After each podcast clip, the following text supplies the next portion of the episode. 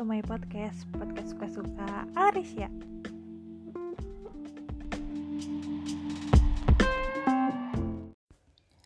Halo guys, hari ini Potsuka akan membahas tentang jenis-jenis atau tipe-tipe toxic person di kehidupan sehari-hari, mungkin kalian punya keluarga, sahabat, dan orang sekitar yang selalu bisa ngasih dukungan serta semangat ketika kalian dilanda masalah.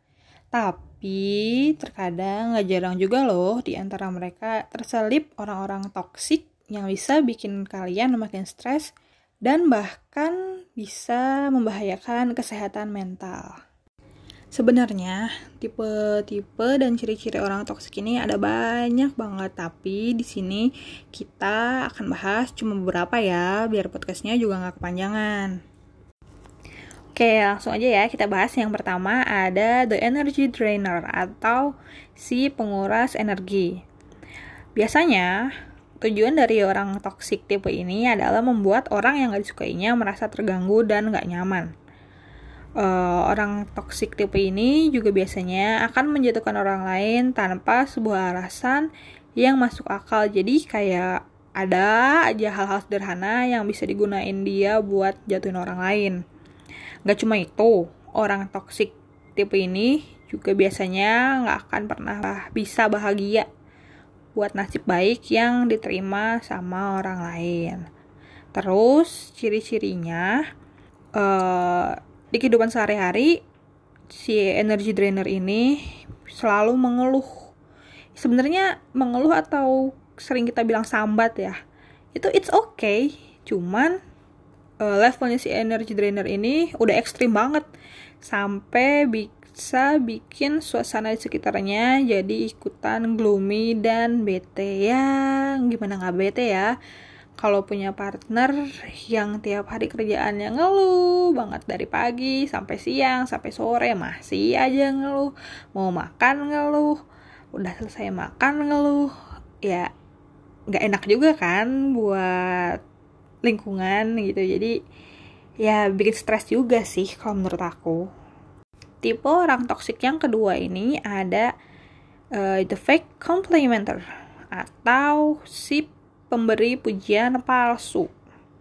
Saat kamu lagi punya pencapaian atau keberhasilan tertentu, biasanya orang toksik tipe ini e, ngerasa nggak seneng dan akan memberikan pujian-pujian palsu.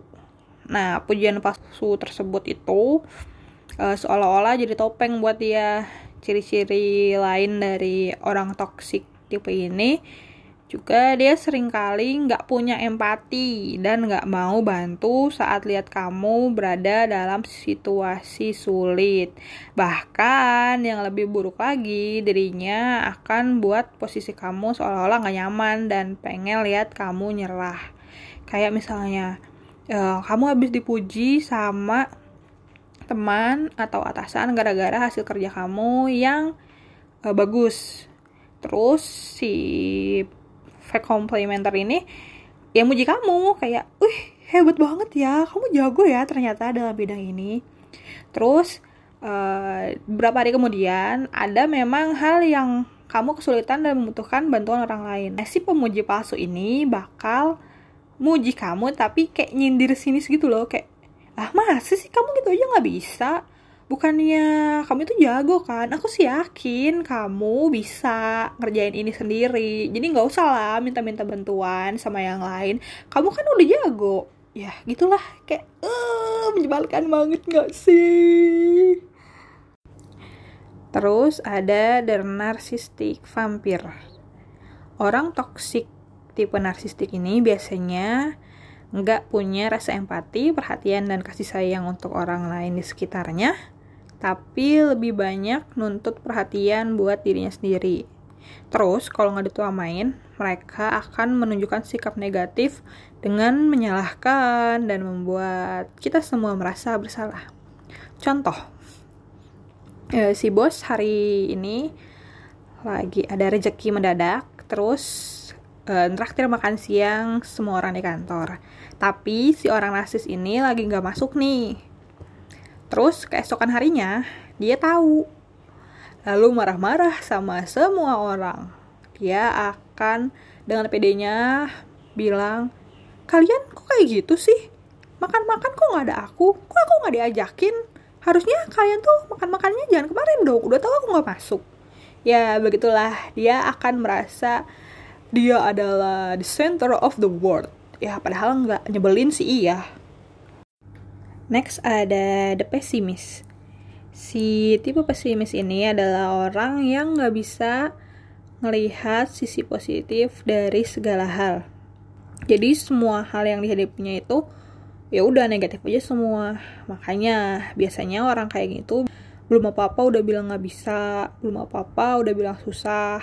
Kayak duh kayaknya aku nggak bisa deh, duh susah banget bisa nggak ya aku. Nah biasanya orang kayak gini tuh toksiknya buat kita adalah dia annoying. annoying, kenapa? Karena dia akan selalu haus validasi-validasi dari kita bahwa dia itu sebenarnya bisa melakukan hal tersebut. Terus, uh, dibilang toksik juga kenapa? Karena dia juga kadang nggak enggan untuk mengecilkan mimpi-mimpi orang lain. Kayak misalnya, kamu punya planning uh, liburan mendaki gunung. Terus dia pasti ngecilin mimpi kamu kayak yakin kamu mau mendaki gunung? Bukannya susah ya? Capek loh gitu. Terus ntar kalau hujan gimana? Uh, ntar kalau misalnya tiba-tiba di sana ada tanah longsor gimana? Pokoknya kayak mengeluarkan semua sisi negatif dari mimpi-mimpi kamu itulah. Kayaknya itu toksik buat kamu lalu nggak jarang juga orang-orang pesimis ini mereka punya crab mentality. Untuk kalian yang belum pernah dengar apa itu crab mentality, uh, jadi pernah ada sebuah penelitian atau apa ya, aku juga lupa. Uh, kalau sekelumpulan kepiting ditaruh di dalam box atau ember, nah mereka itu kan pasti akan mencoba escape untuk keluar ya. Ketika ada satu kepiting yang mau keluar, kepiting-kepiting di bawahnya itu pasti akan narik si temennya itu untuk tetap terjebak di dalam box atau ember tersebut. Jadi uh, simpelnya ya, dia itu nggak mau uh, kalian mencapai mimpi kalian, kalian maju karena dia sendiri nggak bisa maju atau belum bisa maju.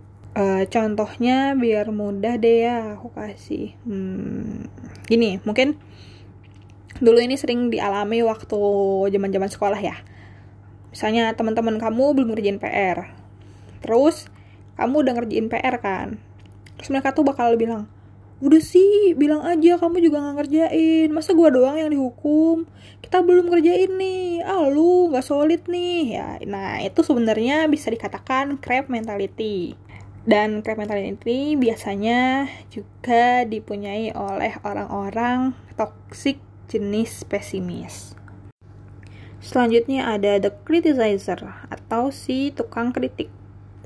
Orang-orang jenis ini biasanya hidupnya itu julid banget kalau sering kita bilang ya. Jadi dia tuh seneng banget kritik hidup orang dan termasuk toxic people yang perlu dihindari.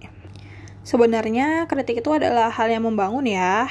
Uh, tujuannya untuk kita bisa lebih introspeksi kalau disertai dengan saran yang membangun juga. Tapi si orang toksik tipe pengkritik ini mereka adalah orang-orang pengkritik yang ya udah ngeritik aja doang tanpa ngasih saran ke depannya harus gimana, bagusnya gimana. Biasanya juga ini uh, tipe toksik yang paling sering kita temuin di kehidupan sehari-hari. Contohnya, eh, hal-hal uh, yang sering dia omong adalah Ketika ketemu sama teman lama, hal yang disebutkan adalah, Ih, kamu sekarang gendutan deh. Loh, kamu kok sekarang banyak jerawatnya ya? Duh, kamu krempeng banget sih. Gak pernah makan apa gimana? Nah, itu kan kayak hal-hal yang nggak perlu banget ya diomongin ke teman kita apalagi orang yang udah lama gak ketemu karena kita juga nggak tahu kan sebenarnya struggling apa yang sedang mereka hadapi. Akan lebih baik ketika uh, bertemu orang yang sudah lama itu yang ditanyakan pertama kali adalah kabar kayak eh uh, kabar kamu gimana sekarang? Oh baju kamu bagus ya kayak gitu.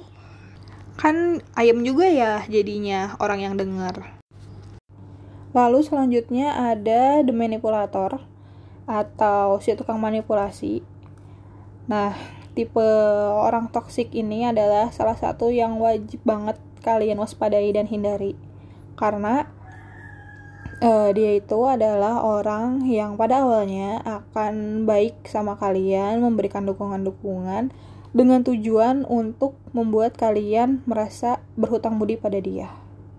Lalu akhirnya dia dapat mengontrol uh, kalian dan menggunakan kalian untuk mencapai tujuan-tujuannya sendiri. Duh, kayak jahat banget lah pokoknya si manipulator ini. Dia akan uh, memberikan yang baik-baik untuk kalian, terus pada suatu titik dia akan menyalahkan kalian. Lalu bilang, kamu kok gitu sih sama aku sekarang? aku kan ngelakuin ini semua buat kebaikan kamu terus kamu kayak gini aja nggak mau buat aku Ih, sumpah lah pokoknya itu tipe-tipe yang harus bener-bener kalian hindari dan waspadai. Lalu yang terakhir ada the victim atau si korban. Mereka ini adalah jenis-jenis orang yang gak pernah mau salah di hidupnya. Dia sering banget nyalahin orang lain dan keadaan atas kesalahan-kesalahan yang dia lakukan.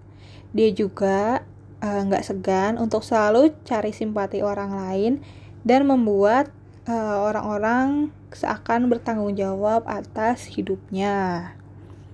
Seperti itu. Nah, kita udah tahu kan nih jenis-jenis dan ciri-ciri toxic person itu kayak gimana aja. Terus gimana sih cara kita menghadapi orang-orang toxic ini? Kalau aku pribadi sih biasanya aku akan mengkomunikasikan hal tersebut ke mereka. Aku akan bilang kalau tindakan mereka itu bikin aku gak nyaman. Dan setelah aku bilang kayak gitu tapi mereka tetap melakukan hal tersebut, aku akan set my boundaries. Jadi memberikan batasan-batasan kapan aku boleh berinteraksi dengan mereka dan kapan aku harus pergi meninggalkan mereka karena sekali lagi kembali eh, bahwa kesehatan mental kita lebih penting dari meladeni orang-orang toksik tersebut. Sekian Potsuka hari ini. Sampai bertemu di podcast suka-suka selanjutnya. Bye!